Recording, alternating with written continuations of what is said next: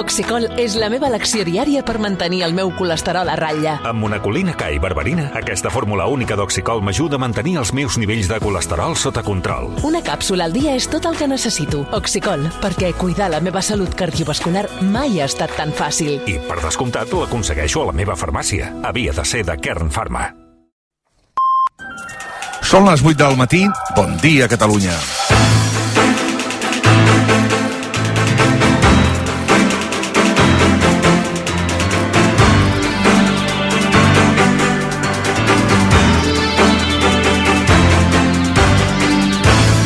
D'aquí a uns moments, les últimes novetats en gèneres de punt del cas Coldo, aquesta divertida novel·la amb la qual ens està gratificant el Partit Socialista Obrer Espanyol i concretament un senyor que es fa que es diu Coldo García i tots els presumptes tractes que va fer amb el que va ser ministre José Luis Ábalos. D'aquí uns moments, però abans eh, deixeu-me parlar d'una carta que està al llibre del Francesc Escribano, del Paco Escribano, Compte enrere, edició 62, any 2001.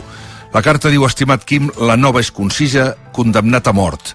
Seria molt difícil exposar els meus sentiments en aquests moments, tal vegada i com a afirmació de per què he lluitat i que ara, moment de gran prova, crec més fermament, han portat a terme una venjança irracional. Fàstic, fàstic és el que sento. Fa ja molt temps que m'he preguntat què feia jo en aquest món on encara no hi ha lloc per mi. Arribarà sens dubte i no em tractis de dogmàtic. La qüestió on es presenta descarnada és davant de tota aquella gent que estimo. És una prova massa dura per vosaltres. Així doncs, per no caure en divagacions metafísiques sobre la vida, accepta aquestes línies com a afirmació dels meus sentiments vers a vosaltres, tu, Lee, Michel... Jo he trencat amb tot i accepto les meves responsabilitats. Sang que es vessa, però no inútilment. Bé, xiquet, tot el que possiblement podria dir-te va dins aquestes línies i en la tristesa del vent. T'estima Salvador Puig Antic, Salut i Anarquia. L'última carta de Salvador Puig Antic abans de ser assassinat al Garrot per la policia franquista a la presó model de Barcelona, pagant el preu de les futures llibertats, segons paraules de Manuel Vázquez Montalbán. El dia 2 de març de 1974, un divendres, demà passat farà eh, 50 anys, es complia la sentència del Tribunal Militar que ordenava executar el militant del Moviment Ibèric d'Alliberament, a qui se l'acusava de la mort d'un subinspector de policia. Recordeu, pels que no ho sàpiguen, que la detenció de Puig Antic hi va haver-hi una baralla i el policia i el mateix eh, Salvador queden ferits, no hi va haver garanties processals, no es van acceptar moltes proves, algunes balístiques que sumades al règim repressiu del franquisme va convertir aquell dia en una jornada d'absoluta impotència, indignació i d'odi. Qui vulgui saber de la història, que vegi la imprescindible pel·lícula Salvador, dirigida per Manuel Huerga, produïda per Jaume Roures, que avui serà el món a RAC1, protagonitzada per Daniel Brühl i que es pot gaudir a Filmin. Perquè, com deien, demà passat es commemoraran els 50 anys de l'execució de Puig Antic. Avui en parlarem perquè aquests dies vinents, Roures, en col·laboració amb David Fernández, Lluís d'Arcarazo o Anxon Gómez, obren la Model de Barcelona per organitzar un seguit d'actes per mantenir la memòria viva d'aquella injustícia judicial. Una de les moltes que hi havia hagut i una de les moltes que encara havien de venir. Sis dies a la quarta galeria de la Model amb dues pantalles, 300 localitats i un escenari per on passaran, entre d'altres, atenció als noms, eh?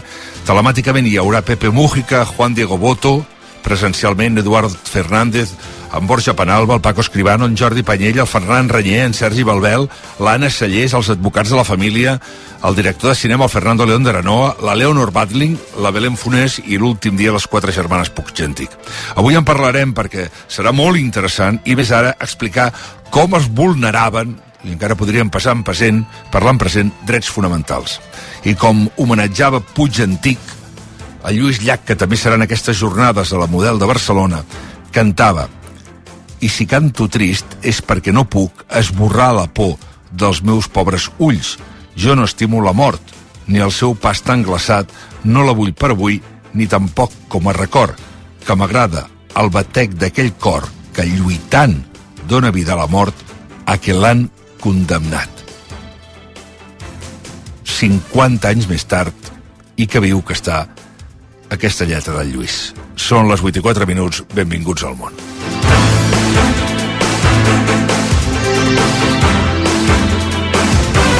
El món a RAC1 amb Jordi Basté. Vinga, va, però terra, que és dimecres, dimecres 28 de febrer del 2024. I avui farà més sol durant el matí, a la tarda hi haurà alguns núvols i al vespre arribaran alguns ruixats, ara amb més fred, però al migdia serà agradable. I pel que fa al trànsit més enllà de les retencions habituals, el tram més afectat pels talls de les tracturades és l'AP7 entre Borrassà i Llers, que fa acumular més de 7 quilòmetres de congestió fins al quilòmetre 29 a Borrassà i allà es fa desviar la circulació fins a l'enllaç amb la Nacional, la C26 o la C31. De seguida ampliem aquestes informacions, però abans, els apunts imprescindibles per anar pel món en CaixaBank.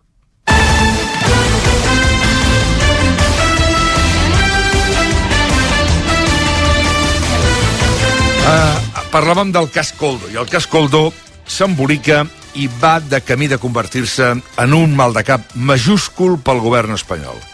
Fan prou feines tres mesos que la nova legislatura va començar a caminar, però a Pedro Sánchez se li acumulen els incendis. No només n'hi ha un de gros, sinó que en comencen a haver-hi de mig als de, de, de la, diguem-ho, d'un nivell mig, però molts a l'estira i arronsa amb Junts per Catalunya per l'amnistia, a la guerra oberta amb el poder judicial, amb la desfeta de les eleccions de Galícia, hi ha un altre foc i aquest pinta que serà gros. Ara s'hi sumen les revelacions diàries que enfanguen el PSOE en una trama de corrupció que avui ja esquitxa de ple, sense pal·liatius, José Luis Ábalos. Aquest matí, el diari El Mundo publica un informe de la Guàrdia Civil ple de fotografies que incrimina l'exministre del PSOE al cas Coldo. Els agents creuen que Ábalos feia d'intermediari entre els implicats en la trama de compra-venda de mascaretes durant la pandèmia del coronavirus i alguns governs autonòmics del PSOE, que havien signat contractes amb aquests empresaris suposadament corruptes. Fins ara, el cas afectava José Luis Ábalos de manera indirecta, perquè el seu principal assessor, aquest tal Coldo García, hauria cobrat comissions milionàries de la trama. Però l'informe policial que publica avui El Mundo, informe policial que publica avui El Mundo, va més enllà i l'implica de ple a l'escàndol. Els agents situen José Luis Ábalos a mig camí entre Coldo García i, atenció, Francina Armengol. L'UCO, la unitat central operativa de la Guàrdia Civil, l'encarregada d'investigar aquest cas, està convençuda que Ábalos va accedir a fer de mitjancer entre els empresaris i el govern de les Balears que Armengol va presidir fins al juny de l'any passat, del 22. Coldo García i els seus socis haurien venut un milió i mig de mascaretes a les Illes Balears per gairebé 4 milions d'euros, però resulta que el material era defectuós i va acabar abandonat en un magatzem. Els empresaris tenien por que el govern de les Balears s'encaixés i els reclamés els diners. I per això haurien demanat a Luis Ábalos que intercedís. Coldo García s'hauria reunit amb l'exministre el dia 10 de gener al reservat d'una marisqueria de Madrid a tocar del Santiago Bernabéu per traslladar-li la petició i, segons els investigadors, l'aleshores diputats del PSOE hauria acceptat aquest encàrrec. Si avui agafeu el Mundo veureu que a la portada hi apareix una fotografia del, de qui va ser ministre, José Luis Ábalos, fumant una cigarreta i xerrant tranquil·lament amb Coldo a l'interior del restaurant. Els investigadors que seguien els moviments dels implicats van capturar el moment i el van incloure a l'informe que van enviar al jutge de l'Audiència Nacional que porta aquest cas. És una foto que desmuntaria, per tant, una de les rotundes afirmacions que José Luis Ábalos va llançar ahir aquí al món RQ, a l'entrevista des que el PSOE el va expulsar, la primera, des que el PSOE el va expulsar del grup parlamentari. José Luis Ábalos assegurava que feia temps que no veia Coldo García. Coldo García ha parlat l'última setmana? No, por favor, no, no. Fa molt que no parla amb ell? Pues no sabría decirle tampoco, ¿no? Yo seguí manteniendo relación con algunos de los colaboradores, con este en concreto también, sobre todo al principio del cese, y luego fue bajando el ritmo conforme pues cada uno va teniendo su propia vida y además residimos en ciudades distintas, alejadas y por lo tanto pues los encuentros se van relajando más, luego se sustituyen por llamadas o mensajes y luego pues estas también van bajando algo de intensidad. La foto a la marisqueria, eh, la xalana, que així es diu, no és l'única d'Avalos que apareix als documents policials. Els agents de la Guàrdia Civil també van fotografiar l'exministre en una altra trobada el 4 de desembre amb un dels germans de Coldo García. S'haurien vist al pis que Avalos té a València. Segons la Guàrdia Civil, el germà de Coldo García va entregar al diputat tres dossiers amb detalls del cas. Ja llavors els implicats en la trama sospitaven que la policia els anava al darrere i s'haurien reunit a Nàvalos per alertar-lo i informar-lo del que sabien en aquell moment. És a dir, que l'exministre era conscient de tot, almenys des de fa tres mesos, molt abans que la Guàrdia Civil detingués Coldo García i la resta d'implicats. Però això no és tot. Segons la Vanguardia, el jutge de l'Audiència Nacional que porta el cas sospita que un dels principals cervells de la trama, Víctor de Aldama, tenia accés VIP al Ministeri de Foment quan Ábalos el dirigia. Quedeu-vos amb aquest nom, Víctor de Aldama. Aviso que jo entenc que tot això és molt enrabassat, la Chalana, eh, Víctor de Aldama, Coldo García, però hi vindran més noms, José Luis Ábalos, i vindran més. Ara a la tertúlia farem un, una mena d'abecedari dels noms propis per seguir la trama. És a dir, allò que va fer o que feia l'Agatha Christie abans de començar les seves novel·les, que és col·locar la llista de les persones, dels personatges que hi havia a la trama. Doncs avui farem el mateix aquí al RQ. Però en aquesta trama, Víctor de Aldama és un personatge que tenia accés VIP, repetim, al Ministeri de Foment d'Àvalos. Qui és Víctor d'Aldama? El president del Zamora Club de Futbol. Zamora. Però el jutge també el considera un dels serveis d'aquesta trama. D'Aldama hauria posat en contacte Coldo García amb els empresaris del grup Cueto, que era el grup que comprava i venien aquestes famoses mascaretes. Daldama i Coldo es van conèixer en un viatge oficial del ministre José Luis Ábalos a Mèxic, on Aldama va viure uns anys com a cònsul honorari d'Espanya. Ell i Coldo van fer-se molt amics i van mantenir el contacte durant molts anys, fins que la pandèmia del coronavirus els va donar l'opció de treballar junts, aprofitant els contactes que tenien per fer l'agost amb la compravenda de mascaretes. Aquesta nit, en una entrevista a Ràdio Nacional d'Espanya, José Luis Ábalos s'ha tret les pusses de sobre. Diu que no sabia res de les relacions d'aquest senyor de Aldama i el Coldo García, encara menys de cap passi per poder entrar al ministeri que ell dirigia. Escolteu. ¿Sabía usted que tenía un pase especial para entrar en el ministerio que usted presidía? No me consta. No sé qué tipo de, de pase especial estoy escuchando ahora. No, no, no, no sé, no sé si, había, si hay pase especial, si existe eso para empezar, y luego, desde luego, si existiera, pues no me consta.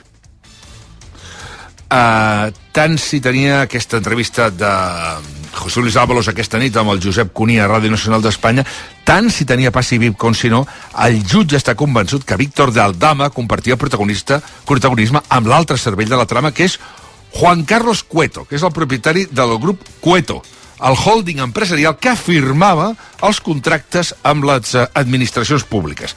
Ahir Cueto va declarar per primera vegada a l'Audiència Nacional i va negar de dalt a baix qualsevol acusació de corrupció. Té més dades des de Madrid, l'Arnau Manyer. Sí, les primeres factures polítiques ja s'han cobrat, però les passes judicials del cas Coldo tot just arrenquen. Els investigadors consideren que Juan Carlos Cueto és un dels ideòlegs de tot plegat. Hauria parlat amb Coldo García perquè els facilités l'entrada al Ministeri de Transports i llavors poder fer negoci a través d'una empresa tapadora. Davant del jutge de l'Audiència Nacional, però, l'empresari va negar que es paguessin comissions il·legals. Al contrari, assegura que les mascaretes es van comprar a un preu de mercat, que no hi va haver cap tripijoc i que tot el que es va fer durant la primavera del 2020 va ser en defensa dels espanyols, ho diu literalment. Juan Carlos Cueto, per tant, ha quedat en llibertat, però té prohibit sortir d'Espanya sense el permís del jutge. Hi ha detalls de les investigacions que són surrealistes. Surrealistes. Avui l'Espanyol, per exemple, assegura que Coldo García es reunia amb els empresaris de la trama al despatx del ministre quan ell no hi era. El que no aclareix el diari és si Ábalos això ho sabia o no. Sembla una broma però la trama mica en mica va corcant al Ministeri de Foment. I a més trames curioses, per exemple que la Guàrdia Civil va instal·lar un micròfon en aquesta famosa marisqueria La Chalana de Madrid per caçar a Coldo i els seus socis. No, no, sigui, lo, de la, lo de la marisqueria va camí de ser la uh, la Camarga de Madrid perquè era l'epicentre de les reunions on es feia, on Coldo García gairebé era el centre neuràlgic on es feia tot on fins i tot en aquesta on es parlava de que fins i tot en aquesta marisqueria es pagava les gambes a 155 si és que... No, no, anirem parlant d'aquest tema perquè es va fent, es va fent gruixut, com dèiem. Eh... És que, és que tot va convertint-se en, una, en un escàndol eh, i es pot fer, es pot anar fent gran i més gran i més gran i més gran. Eh, tot això va corcant al Ministeri de Foment, però la Moncloa se'n renta les mans i es mostra confiada que l'escàndol no farà descarrilar la legislatura, malgrat que fogons del govern d'Espanya admeten a l'avantguàrdia que, que continuen, en aquest cas, continuen pendents de... Eh, que, del curs de les investigacions judicials, el PSOE manté la calma. Des de Ferraz insisteixen que no tenen és que tinc un problema amb, el, amb la màquina que com el toqueu molt se me'n va amunt i avall, o sigui que no me la toqueu gaire, si plau. Deia que l'escàndol no farà descarregar la legislatura. Malgrat que fons del govern espanyol han admès a l'avantguàrdia que continuen pendents del curs de les investigacions judicials, el PSOE mantén la calma. Des de Ferraz insisteixen que no tenen res a amagar i creuen que les noves revelacions quedaran amortitzades ràpidament perquè afecten només a Avalos amb qui ja han partit peres. Però la cosa es pot complicar encara més els pròxims dies perquè la Guàrdia Civil no descarta fer més detencions. Avui el Diario avança que un dels següents que podria passar pels jutjats a declarar és un de nou, aquest és nou a la família. Álvaro Sánchez Manzanares, que és el secretari general de Puertos del Estado, que és una de les empreses que va comprar mascaretes al grup Cueto, aquest famós. El jutge sospita d'ell perquè la Guàrdia Civil va detectar que havia trucat a Coldo García quan va sospitar que la policia anava al darrere d'aquesta trama.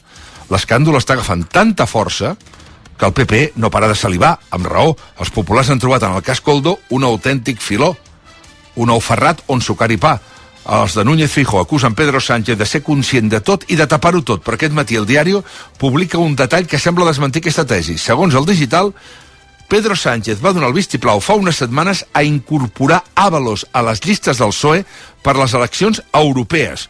Si això realment era així, es fa difícil creure que el president del govern d'Espanya sabés que el seu exministre de Foment acabaria poc després esquitxat per aquest escàndol de mascaretes. Però la premsa de Madrid continua disparant i de quina manera contra Pedro Sánchez. El Confidencial, atenció, acaba de publicar una notícia que intenta barrejar la dona del president espanyol, Begoña Gómez, al mig de l'escàndol. Això sí ho fa de manera molt tangencial i indirecta. Segons aquest digital, a Begoña Gómez, repetim, la dona de Pedro Sánchez, s'hauria reunit amb el famós Víctor de Aldama, president del Zamora, a instàncies d'un empresari que coneixia, Javier Hidalgo. Ara bé, no hi ha cap constància que Begoña Gómez participés en cap dels negocis que ara s'investiguen.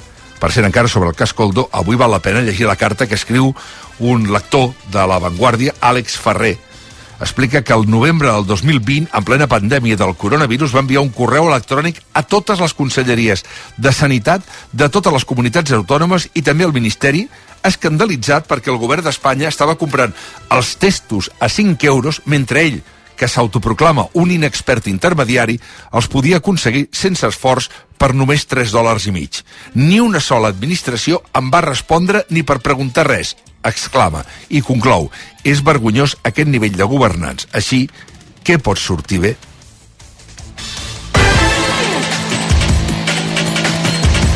Però encara seguim bé, perquè què en diuen les ràdios avui d'aquest cas? Doncs a la cadena SER, Àngels Barceló ha començat el seu editorial carregant contra Alberto Núñez Feijó per assenyalar Pedro Sánchez pel cas Coldo sense aportar cap mena de prova ni cap indici. El PP ha decidido ya su estrategia. Pedro Sánchez es el cabecilla, es el culpable de todo. Un nuevo intento de extender un mantra de esos que acaban calando entre sus electores que no se preguntan en qué se basa Feijó para lanzar una acusación de este calibre. El más es tremendo en política. Más tremendo si cabe si se trata de casos de corrupción y esparcir la mierda sin más no contribuye en nada a cortar de raíz un problema que en este país se ve que somos incapaces de erradicar. Si Feijó tiene pruebas de que Pedro Sánchez está implicado en la trama, que lo denuncie. Que dejen de marear y se lo tomen en serio y sino que tengan sus debates y sus enfrentamientos a puerta cerrada para no tener que soportar tanta vergüenza ajena. Això diu eh, Àngels Barceló. Carlos Herrera, a la COPE, considera que el PSOE viu una crisi molt profunda. El PSOE está tan desarbolado, tan arrinconado, tan falto de explicaciones, que está recurriendo a las peores costumbres que creíamos eh, desterradas de la política nacional. Las amenazas a los medios, la estrategia del ventilador. Y, bah, lo del ventilador es, eh, oiga, a veces patético y a veces cómico. Això és Carlos Herrera. a la COPE i a Radio Jiménez Los Santos compara el, el que va ser ministre José Luis Ábalos amb el comissari Villarejo. ¿Sabes a quién me recordaba? ¿Sabéis? Eh, Ábalos en su puesta en escena, a Villarejo. Esa mezcla de argumentos eh, mafiosos con eh, supuestas intenciones patrióticas y admirables, tal, digo, pero si es que, pero si es que es Abalejos, o sea, es que es Abalejos, es que es calcao. ¿Por qué? A lo mejor alguien lo ha hecho el mismo, porque sería un bien, incluyendo las faltas de sintaxis. Uh, de tot plegat, escoltem ara el comentari que signa la periodista del periòdico i col·laboradora del RQ, Pilar Santos. Aquesta setmana, per primer cop, he vist com alguns diputats del PSOE s'atreveixen a dir que l'etapa de Pedro Sánchez ha entrat a la fase final. Mai m'havia passat. És veritat que d'altres segueixen amb allò de que mai es pot donar per mort aquest home. L'hem vist ressuscitar molts cops. Aquesta vegada, però, entre l'enfonsament del PSOE de Galícia i el cas Coldo, Sánchez porta molts dies costa avall, i tot això amb una legislatura molt complicada per la seva debilitat parlamentària. El president del govern necessita un revulsiu ja si vol canviar una dinàmica que el PP, malgrat tota la corrupció de la seva història, està aprofitant prou bé com no podia ser d'una altra manera. Sánchez necessita superar aquest sotrac avançant amb la llei d'amnistia i amb els pressupostos generals de l'Estat – dos elements que depenen de Carles Puigdemont, una persona a la que, com ara a José Luis Ábalos, també li agraden molt els polsos polítics.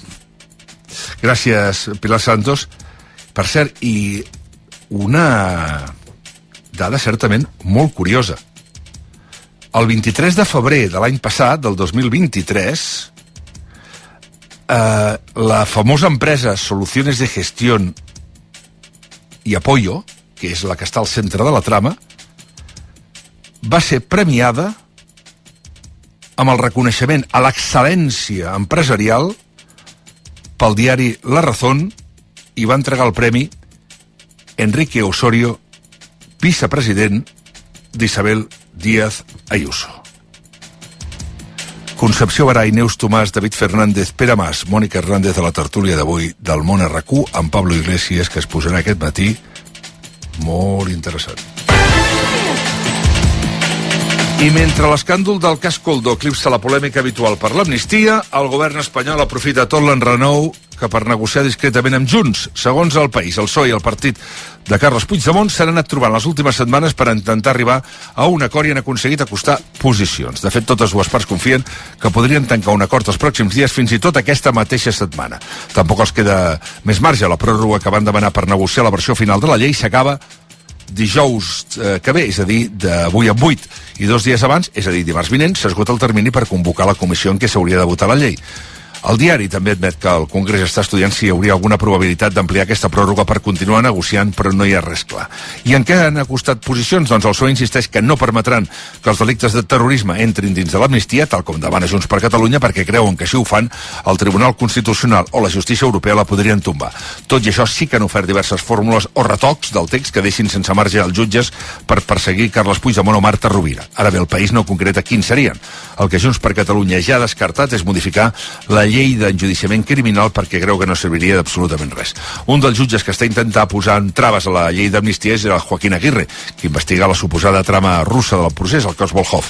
Doncs bé, aquest matí hem sabut que la Guàrdia Civil no ha estat capaç de demostrar que la Casa de la República Waterloo es financés en diners públics. Segons llegim al digital al món, els agents han presentat aquesta setmana dos informes a Joaquín Aguirre i tots dos conclouen que no hi ha proves que es desviessin diners públics cap a l'exili. Això pel que fa al cas Volhov, però també tenim novetats sobre el cas Tsunami Democràtic.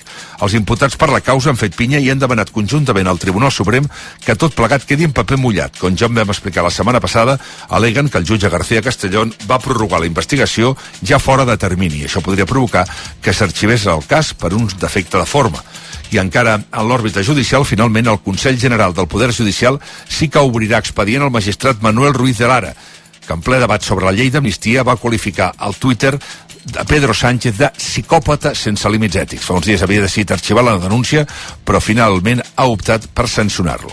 I un últim apunt vinculat amb el món polític, un ex del govern d'Isabel Díaz Ayuso a Madrid hauria espiat altres membres del govern madrileny per ordre de la mateixa Díaz Ayuso. Ho explica avui el digital El, el Plural, que ha tingut accés a la denúncia que els afectats van presentar al Comitè de Garanties del PP.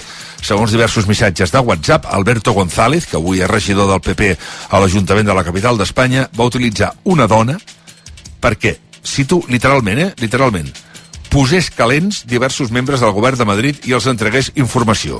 Les víctimes eren el conseller d'Economia madrileny i dos alts càrrecs que treballaven per ell. Segons assegura el mateix Alberto González, com dèiem, ho hauria fet a petició d'Isabel Díaz Ayuso. Són les 8 i 24 minuts. Els pressupostos ja són al Parlament de Catalunya. Aquest matí començaran a desfilar per la cambra tots els consellers per estudiar la lletra petita i les partides de cada departament. Això després que ahir el govern català aprovés els comptes en una sessió extraordinària. La previsió és que a mitjans d'abril estiguin ja del tot aprovats. Això sí, sempre que el govern català aconsegueixi la majoria necessària perquè puguin tirar endavant, informa Laia Colomer. Sí, aquest mateix matí a les 9 la primera compareixa serà la vicepresidenta i consellera de la presidència, Laura Vilagrà. Fins dimarts al migdia hi haurà comissions matí i tarda per fer via i ajustar al màxim els terminis. La primera data marcada en vermell al calendari serà el ple del 13 i 14 de març, d'aquí just dues setmanes. Serà el primer debat a la totalitat, el primer match point dels pressupostos i també de la llei d'acompanyament. El govern té fins llavors per convèncer els comuns perquè no presentin cap esmena a la totalitat i els pressupostos no se'n vagin a la brossa. Si se supera aquest primer embat, els comptes continuaran la tramitació parlamentària fins la segona setmana d'abril. Entre els dies 9 i 11 serà quan es farà el debat debat i votació final i si hi ha majoria suficient s'aprovaran definitivament. Uh, això mentre el govern intenta aconseguir tots els vots necessaris per aprovar els pressupostos. Ahir al vespre es van tornar a reunir amb els comuns, que continuen posant damunt la taula la renúncia al Hard Rock. Jessica Albiach deia a TV3 que sense aquesta decisió, i ho deixava molt clar, no pensen votar a favor dels comptes estem en converses per si en algun moment el govern de la Generalitat reconeix que ha de posar límits al PSC i que li ha d'aturar els peus al senyor Illa i que aquest projecte és un autèntic disbarat, però torna a insistir, nosaltres no ens baixarem d'aquesta condició. Mentrestant, la consellera d'Economia, Natàlia Mas, insisteix que el Hard Rock no té res a veure amb els pressupostos i que seria un error dels comuns deixar perdre tants milions d'euros. Aquesta nit, al 324 jo no crec que uns pressupostos que res tenen a veure amb un casino ni diu res doncs, sobre cap eh, mesura vinculada amb aquest projecte que hagi d'estar de, en el debat. Les converses continuaran els pròxims dies. I encara al Parlament, la vicepresidenta del Futbol Club Barcelona, Maria Elena Fort, serà la nova diputada de Junts per Catalunya al Parlament en lloc del diputat Jaume Alonso Cuevillas, que hi va renunciar a l'acte de diputat. Fort, que ja havia estat diputada a l'anterior legislatura, és especialista en dret públic i urbanisme. Ara, a més del seu càrrec al Barça, feia d'assessora del grup parlamentari. Al contrari de Cuevillas, eh, que forma part del nucli més proper a Laura Borràs, la nova diputada de Safí, el secretari general del partit, Jordi Turull. Per cert, encara pel que fa Junts per Catalunya, Jordi Turull es recupera molt favorablement d'una segona intervenció ja programada després de l'infart que va patir dilluns. El secretari general de Junts continua estable a l'Hospital de Bellvitge, on dilluns, ja recordem, li van practicar un cateterisme. carisma. 3 minuts i dos quarts de nou del matí, els, page els pagesos no reculen, ans al contrari, i mantenen els bloquejos algunes de les grans artèries de la xarxa viària de Catalunya. Fa més de dos dies, des de dimarts a la mitjanit, que mantenen tallades les principals carreteres que connecten amb França i l'Aragó, com l'AP7 i la Nacional 2 a Puntós, a l'Alt Empordà, a l'AP2 a Soses o a l'A2 al seu pas per Vilagrassa. Avui diversos representants del sector es reuniran amb el conseller d'Acció Climàtica, David Mascort, per intentar desencallar la situació. Que Mascort no assistís a l'última trobada va provocar molt malestar entre la pagesia, fins al punt que ahir alguns van protestar davant la casa de Mascort a Vilabreix per exigir-li que els escolti. Els Mossos van haver de protegir el domicili particular del conseller. A mig d'aquesta tensió, Mascort es veurà avui amb els pagesos per intentar que aixequin els talls, però ells ja l'han avisat que no se n'aniran cap a casa fins que no hi hagi avenços reals. Anem en directe a les principals vies afectades per les mobilitzacions. Comencem pel tall a la P7 Puntós, a l'Alt Empordà. Allà hi tenim, com cada matí, la Bàrbara Jutbe. Bàrbara, tu tú dirás. Els pagesos ja han sortit dels tractors on dormien i són ara mateix a peu d'autopista. Estan disposats a afrontar una jornada més en aquest bloqueig on més d'un centenar de tractors ocupen la calçada. Alguns pagesos però han marxat fa una estona cap a Barcelona per assistir a les 11 a la reunió amb el conseller d'Acció Climàtica David Mascort. Volen que s'atengui les seves peticions, entre elles la competència deslleial. A la trobada hi assistiran membres de la plataforma Revolta Pagesa, representants d'organitzacions agràries, també del departament i el conseller. En total, una vintena de persones, massa gent per posar-se d'acord, segons els pagesos. La reunió, com dèieu, arriba després que ahir a la nit una desena de pagesos també van protestar davant la casa del conseller Vilablareig, el gironès, per mostrar el seu malestar amb la reacció, amb l'actitud del departament, sense que això es, eh, es generés conflicte. Mascort finalment ha anul·lat un acte que tenia avui a Xerta i es podrà reunir amb ells. I a Vilagrassa, amb els pagesos que tallen l'A2 a Ponent, i tenim el Julen Andrés. Julen. Per torns, els pagesos un any més l'han passat amb els tractors a l'autovia. Alguns dormint a dins i d'altres acompanyats del foc s'han quedat tota la nit desperts. Comença una jornada marcada per una reunió on part dels pagesos ja ens han dit aquest matí que la filosofia és la mateixa. Per moure's han de veure un compromís real, volen fets, i és que han sacrificat molt per arribar fins aquí. Avui s'espera l'arribada de pagesos d'altres comarques i també és possible que alguns tractors vagin fins a la P2, a Soses, per reforçar el tall en tots dos sentits. Això pel que fa als talls més importants, però hi ha més afectacions. Repassem la resta de vies tallades que hi ha aquesta hora a les carreteres. Dificar.com, el teu portal de vehicles d'ocasió, t'ofereix aquest espai. Anem a comptar cotxes i a comptar tractors. Des del REC, allà hi tenim l'Àlex Huguet. Bon dia, Àlex. Molt bon dia, doncs el tram més afectat pels talls de les tracturades continua sent l'AP7 entre Borrassà i Llers, que fa acumular més de 7 quilòmetres de congestió fins al quilòmetre 29 a Borrassà, i allà es fa desviar la circulació fins a l'enllaç amb la Nacional, la C26 o la C31, que també van acumulant més cues. I a la demarcació de Lleida, els talls de l'A2 a Vilagrassa i a l'AP2 a Soses continuen també impedint una circulació fluida en aquestes vies principals, ara amb molta congestió, destacant la Nacional passant per Tàrrega. I a l'àrea metropolitana, a banda de retencions habituals, hi ha problemes des de fa una estona a les dues rondes de Barcelona per dos accidents. A la B20, prop de la sortida de la Diagonal en sentit sud, que fa acumular més de 10 quilòmetres de cues ara des del nus de la Trinitat i a la litoral la incidència ha estat al tram de Montjuïc també cap al sud i generant eh, també 10 quilòmetres de molta lentitud des del Bon Pastor i passant pel nus del Besòs i afecta la via en sentit nord també des de la zona franca. És tot des del RAC, bon dia.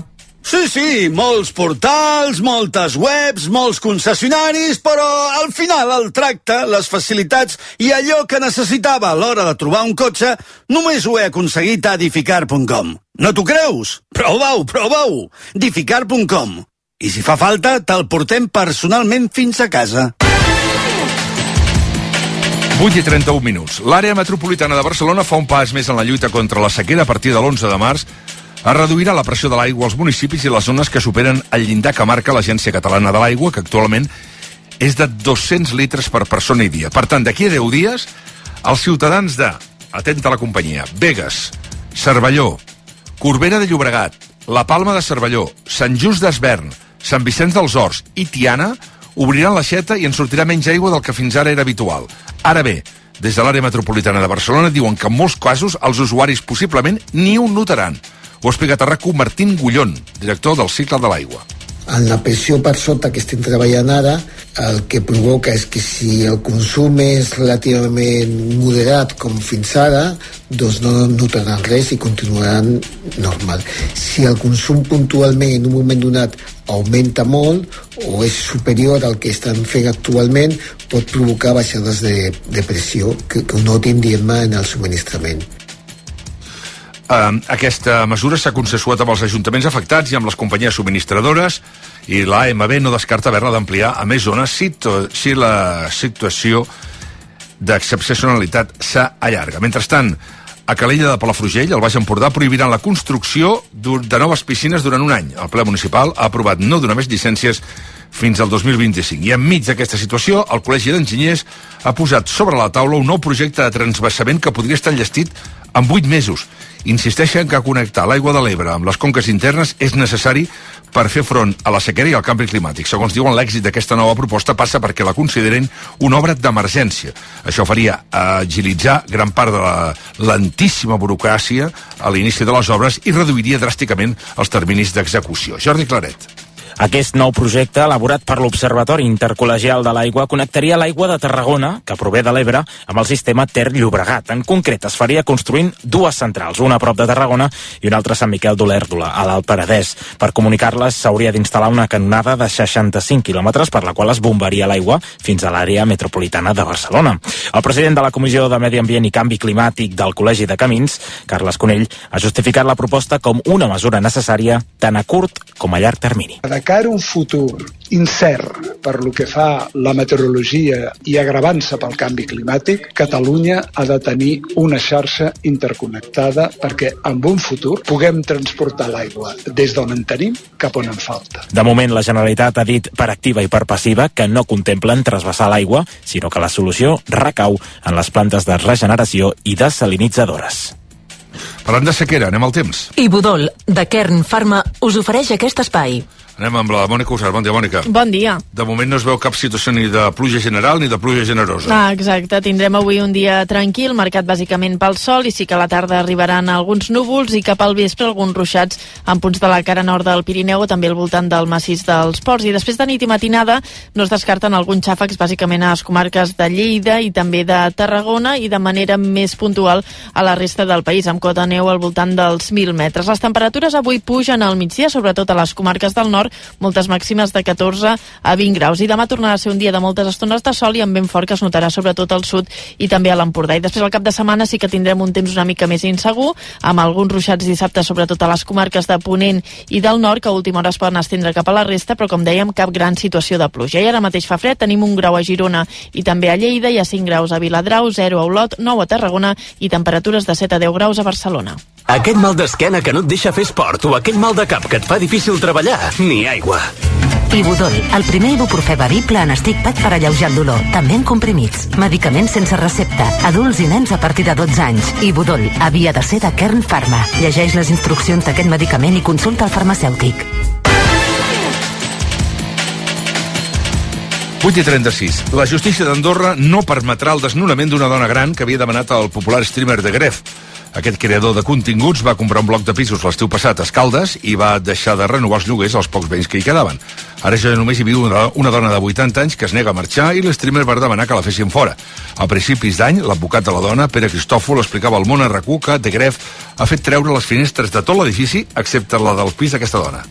La meva clienta té 80 anys i eh, encara no té ganes de passar a l'altre barri, que és el que l'únic que pot passar és en aquestes condicions és que agafi una pulmonia o que un bon, un bon matí la, la trobin congelada en forma de, de bloc de gel Una sentència inicial va donar la raó de Gref, però ara el Tribunal de, Sus de Superior de Justícia d'Andorra ha decidit tot el contrari. El tribunal diu que l'streamer no justifica prou bé els motius legals pels quals s'hauria d'expulsar la dona i afegeix que, amb el desig de fer-ho, no n'hi ha prou.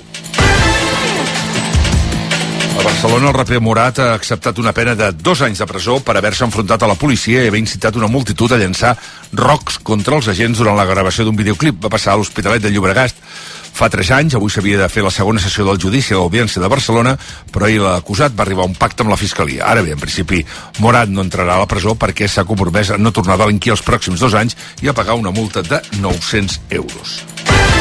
Polèmica a les xarxes socials després que s'hagi fet eh, viral el vídeo d'un grup de capellans de Toledo que resen perquè el papa Francesc mori aviat.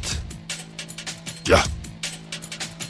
Els capellans de Toledo que resen perquè el papa Francesc mori aviat. Els sacerdots fan befa de la salut del pontífex argentí en una emissió de YouTube que porta per títol La sacristia de la Vendée una tertulia sacerdotal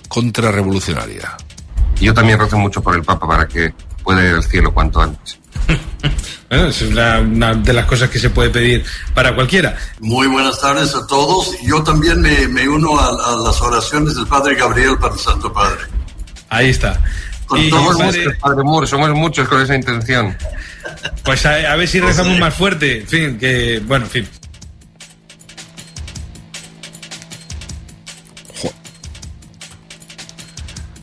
Podia, en lloc de la sacristia de la Vendée, es podia dir la tertúlia de Lucifer. Mora meva. És del 22 de febrer té més de 50.000 visualitzacions, falta la meva encara, perquè la vull veure això, i participen capellans de diversos punts del món i segons explica el diari és un grup de sacerdots relativament joves, formats en seminaris ultraconservadors i que es dediquen a criticar i boicotejar qual, qualsevol intent de reforma dins l'Església sense que la cúpula episcopal mai els hagi picat el crostó. En un comunicat, la diòcesi de Toledo diu que rebutgen qualsevol manifestació de desafecció contra el papa i que tots els capellans implicats han de demanar perdó. Just una setmana després de l'incendi mortal que va devorar dos blocs de pisos de València, la constructora dels immobles ha trencat el silenci. A l'avantguàrdia, l'antic propietari de l'empresa, que va fer fallida, Juan Henares Parada, se'n renta les mans i assegura que el projecte era un d'un despatx d'arquitectes i que ells només van comprar el terreny. És més, diu que no en tenien ni idea dels materials que es volien fer servir per revisar, per revestir la, frasa, la façana. La pregunta que molts ens hem fet després de l'incendi a València, però és, això podria tornar a passar? Tenim a Catalunya edificis revestits amb aquests materials? La resposta avui la donen diversos experts al periòdico i la resposta és sí. Catalunya podria tenir entre 1.500 i 3.000 immobles amb una façana similar a aquest edifici de Flames de València. El Departament de Territori preveu que un grup d'analistes es reuneixi per primera vegada el 5 de març per començar a fer un gran mapa de finques d'unes característiques similars a la que fa unes setmanes va cremar a la ciutat de València. I recta final del Mobile World Congress. AENA, aeroports per a tu, et porta les notícies del Mobile World Congress. Avui és l'últim dia i a les pròximes hores se sabrà si en aquesta edició s'ha superat el rècord d'assistents que hi va haver l'any 2019 o si s'hi ha quedat a prop. Aquest any s'han monitoritzat els congressistes a través dels seus telèfons mòbils. Ho ha fet Telefònica amb la plataforma Smart Steps que permet saber per on es mouen els congressistes dins i fora del mobile. RACO ha tingut accés a algunes d'aquestes primeres dades. Per exemple, la majoria dels congressistes entren a la fira al matí, però no ho fan a primera hora. El pic d'entrada, dilluns, per exemple, va ser a les 12 del migdia. Informa Montse Martí. Dades com aquesta, la companyia les posarà a disposició d'empreses, entitats i administracions, per exemple, en el cas dels pics d'entrades i sortides al mobile, per poder gestionar millor el trànsit. Smart Steps també revela que a les 5 de la tarda els congressistes ja marxen del mobile i se'n van al centre de Barcelona. La zona per on es mouen és la dreta de l'Eixample, on hi ha Casa Batlló, Pedrera i les botigues del Passeig de Gràcia, i el segon lloc on es mouen és l'entorn de Gran Via, de l'Hospitalet de Llobregat.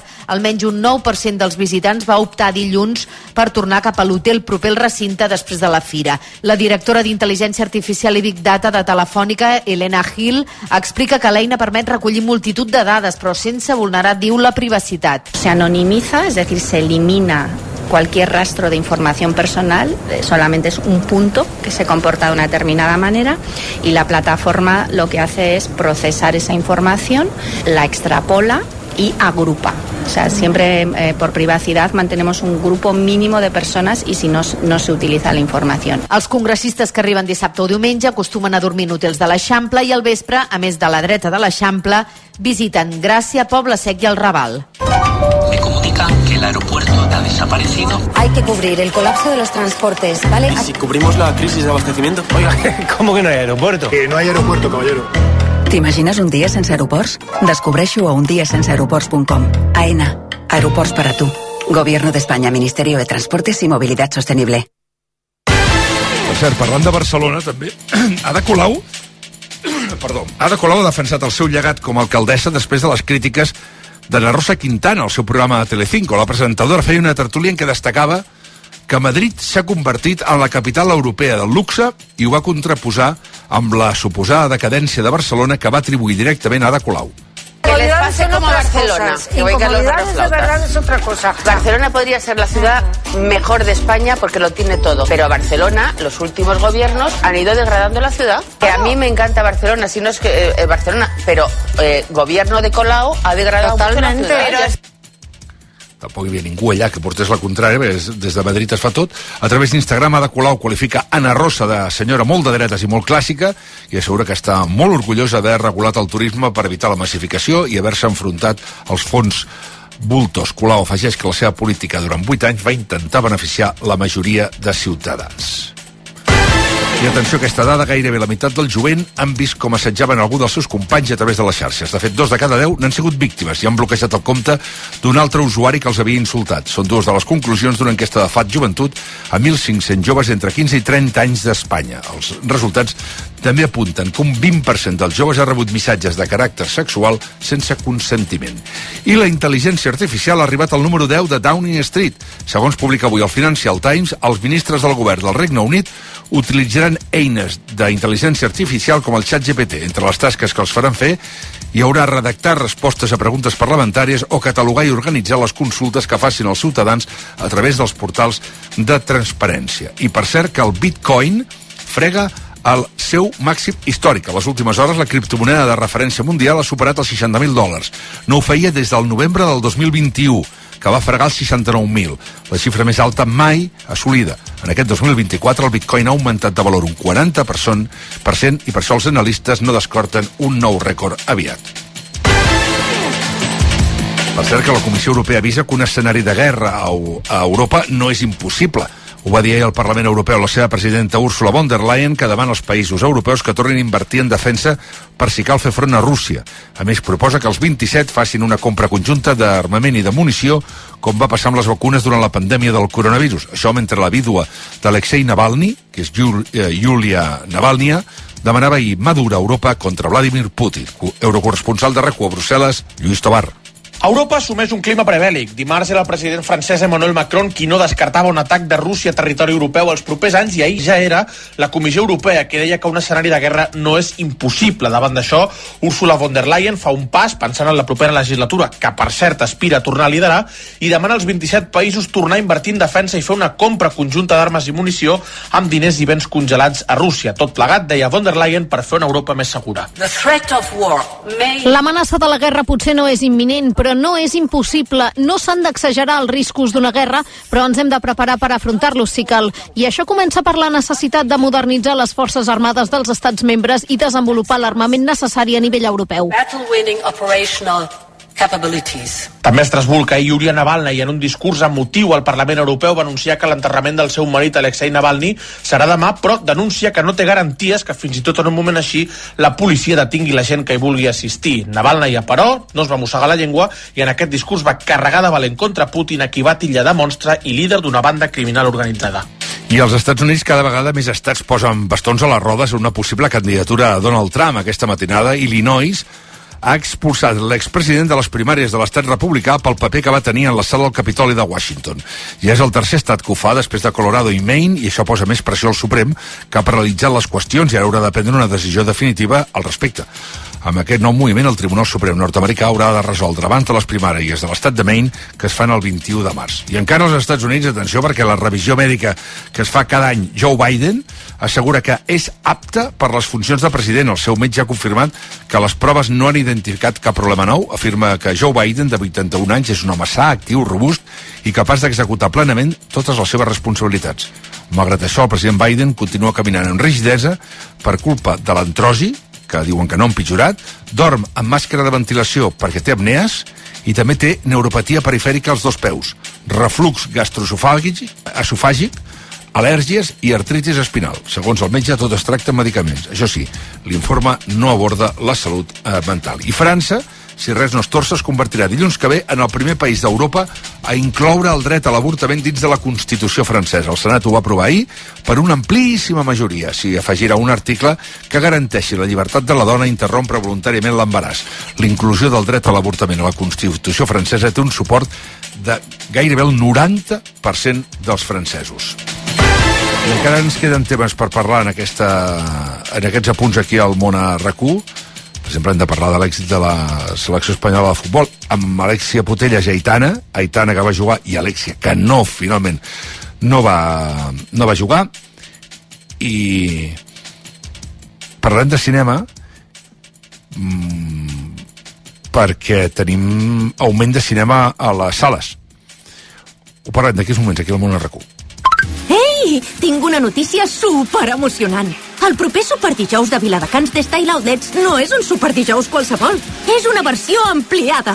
Del 29 de febrer al 2 de març 3 dies de superdescomptes a les nostres marques preferides. I sortegen un iPhone 15 per compres de més de 100 euros. T'esperem a Viladecans de Style Outlets. Descobreix els dissenys exclusius i els productes innovadors de les botigues Porcelanosa. Peces de gran format, aixetes amb sistemes de control de consum, cuines d'inducció invisibles. La casa dels teus somnis és a Porcelanosa. I ara de l'1 al 16 de març aprofita els dies Porcelanosa amb descomptes molt especials. Porcelanosa.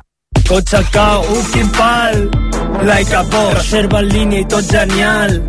Like a Bosch.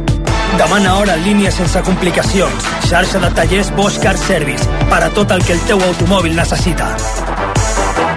Com va dir Lavoisier, l'energia no es crea ni es destrueix, es transforma.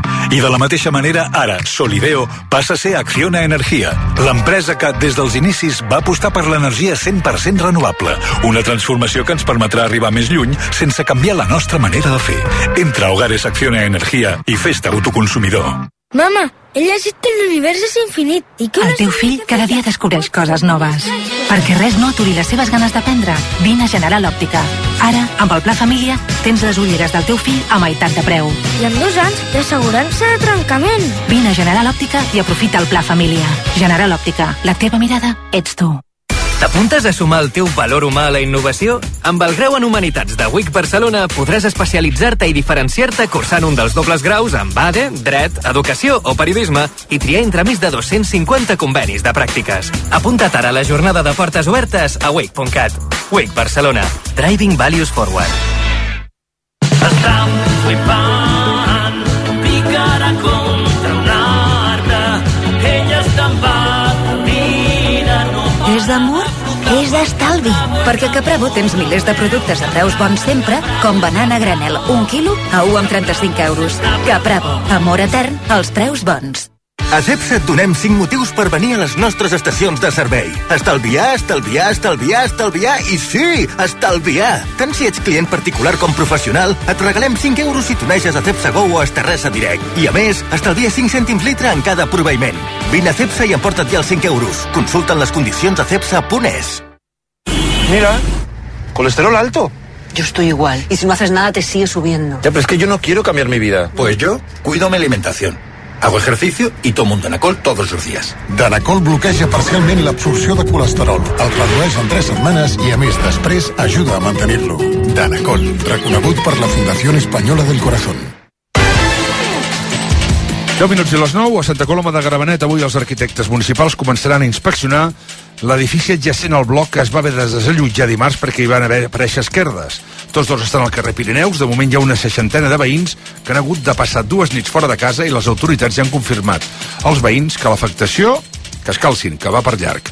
Santa Coloma de Gramenet informa Sara Nicolàs. L'Ajuntament de Santa Coloma de Gramenet vol comprovar l'estat de l'estructura d'aquest bloc que, recordem, és adjacent a la finca que dimarts es va desallotjar per risc de col·lapse.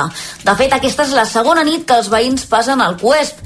En total en són 51 els que han sol·licitat allotjament al consistori local.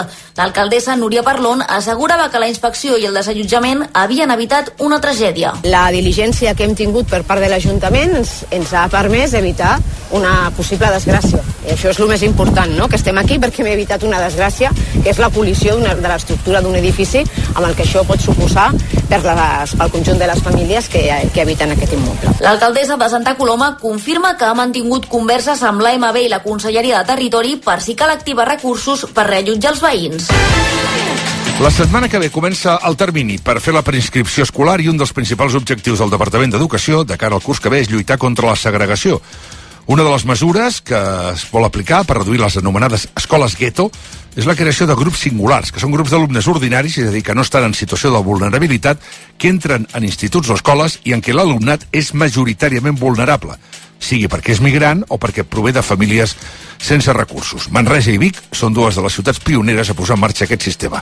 Mar Poyato. Els grups singulars es creen a les escoles en què pràcticament la totalitat dels alumnes són vulnerables. Les famílies es coordinen i quan hi ha un grup de 10 infants se'ls reserva la plaça directament. Ho explica Gemma Boix, directora dels Serveis Territorials d'Educació a la Catalunya Central. Les places les traiem de l'oferta inicial i així s'asseguren poder entrar. El motiu principal de fer aquests grups singulars és que les famílies que tenen dubtes perdin la por a l'hora de dur els seus fills a escoles d'alta complexitat.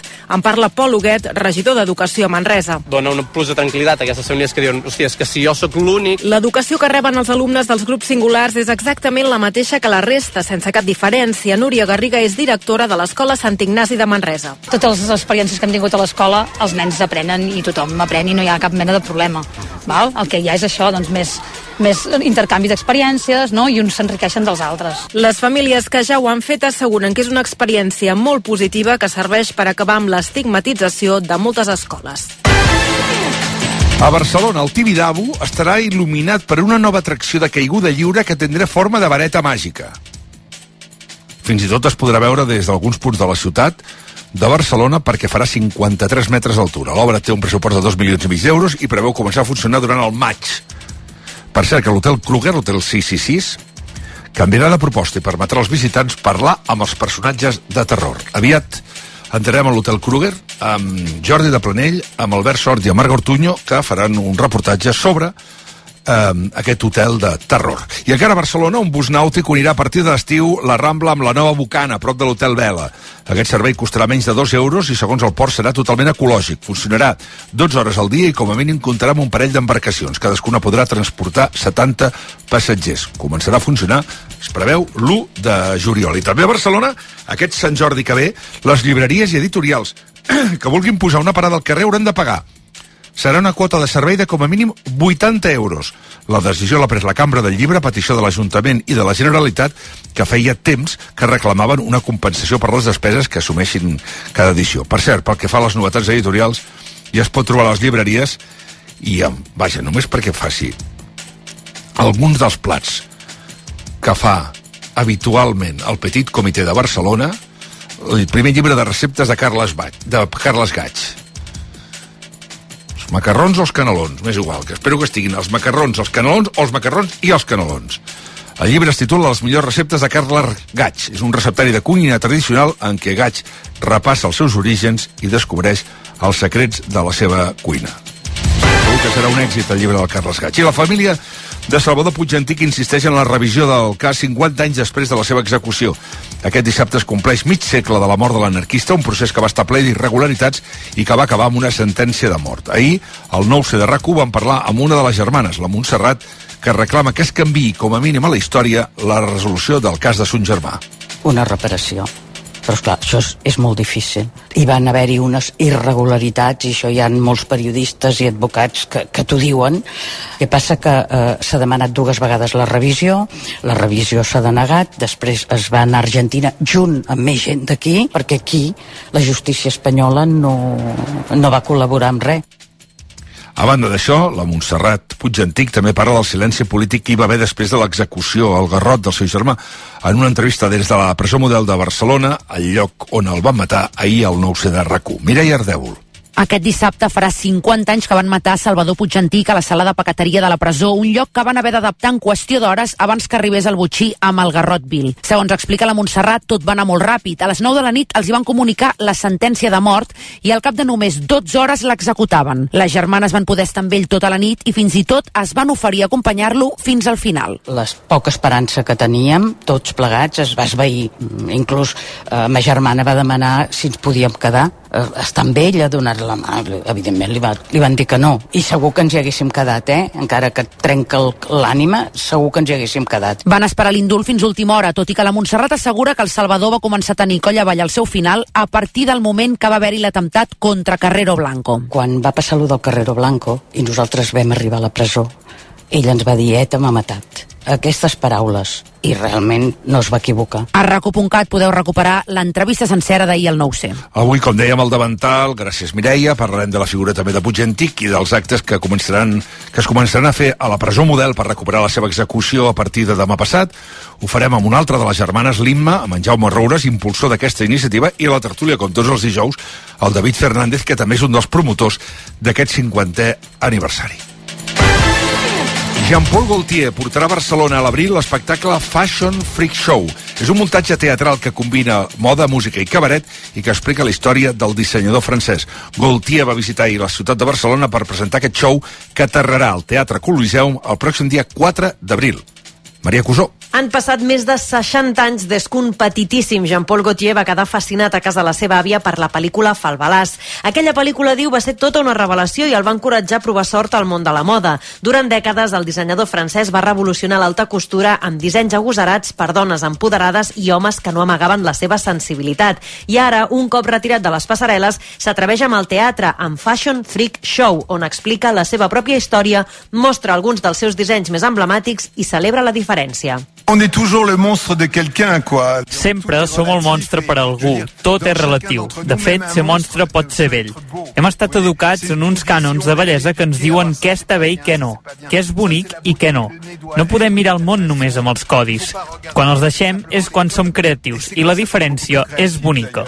Les différences sont belles. L'espectacle, que ja s'ha vist a Londres i París, s'estarà al Coliseum de Barcelona del 4 al 21 d'abril i les entrades ja estan a la venda. Per cert que ha mort el pintor Antoni Vives Fierro. Tenia 83 anys, era un dels paisatgistes urbans més reconeguts del país i havia retratat amb el seu pinzell els racons més emblemàtics de la ciutat de Barcelona, com el Liceu, el Palau de la Música Catalana, l'Eixample, la Barceloneta. L'artista, una persona excel·lent a més, que va rebre la Creu de Sant Jordi el 2002, va morir ahir, segons va confirmar la seva família, i l'enterren avui en una cerimònia íntima. D'altres, Antoni Vives Fierro també va ser eh, mare pare, perdó, de la Clàudia Vives Fierro i, evidentment, llavors el sogre del que va ser també directiu del Barça, Marc Ingla. Um, tota la família Vives Fierro al nostre condol. I el públic de cinema a Catalunya va remuntar un 20% durant l'any passat, tot i que encara està lluny de les dades prepandèmiques. Segons la Federació de Cinemes d'Espanya i el Gremi d'Exhibidors de Catalunya, les sales catalanes van tancar l'any amb 13,7 milions d'espectadors i més de 95 milions d'euros de recaptació. Catalunya és la segona comunitat autònoma d'Espanya en nombre d'espectadors, només superada per Madrid, que n'acumula una mica més de 15 milions. Les pel·lícules més vistes arreu de l'Estat han estat. La primera, Barbie, 5 milions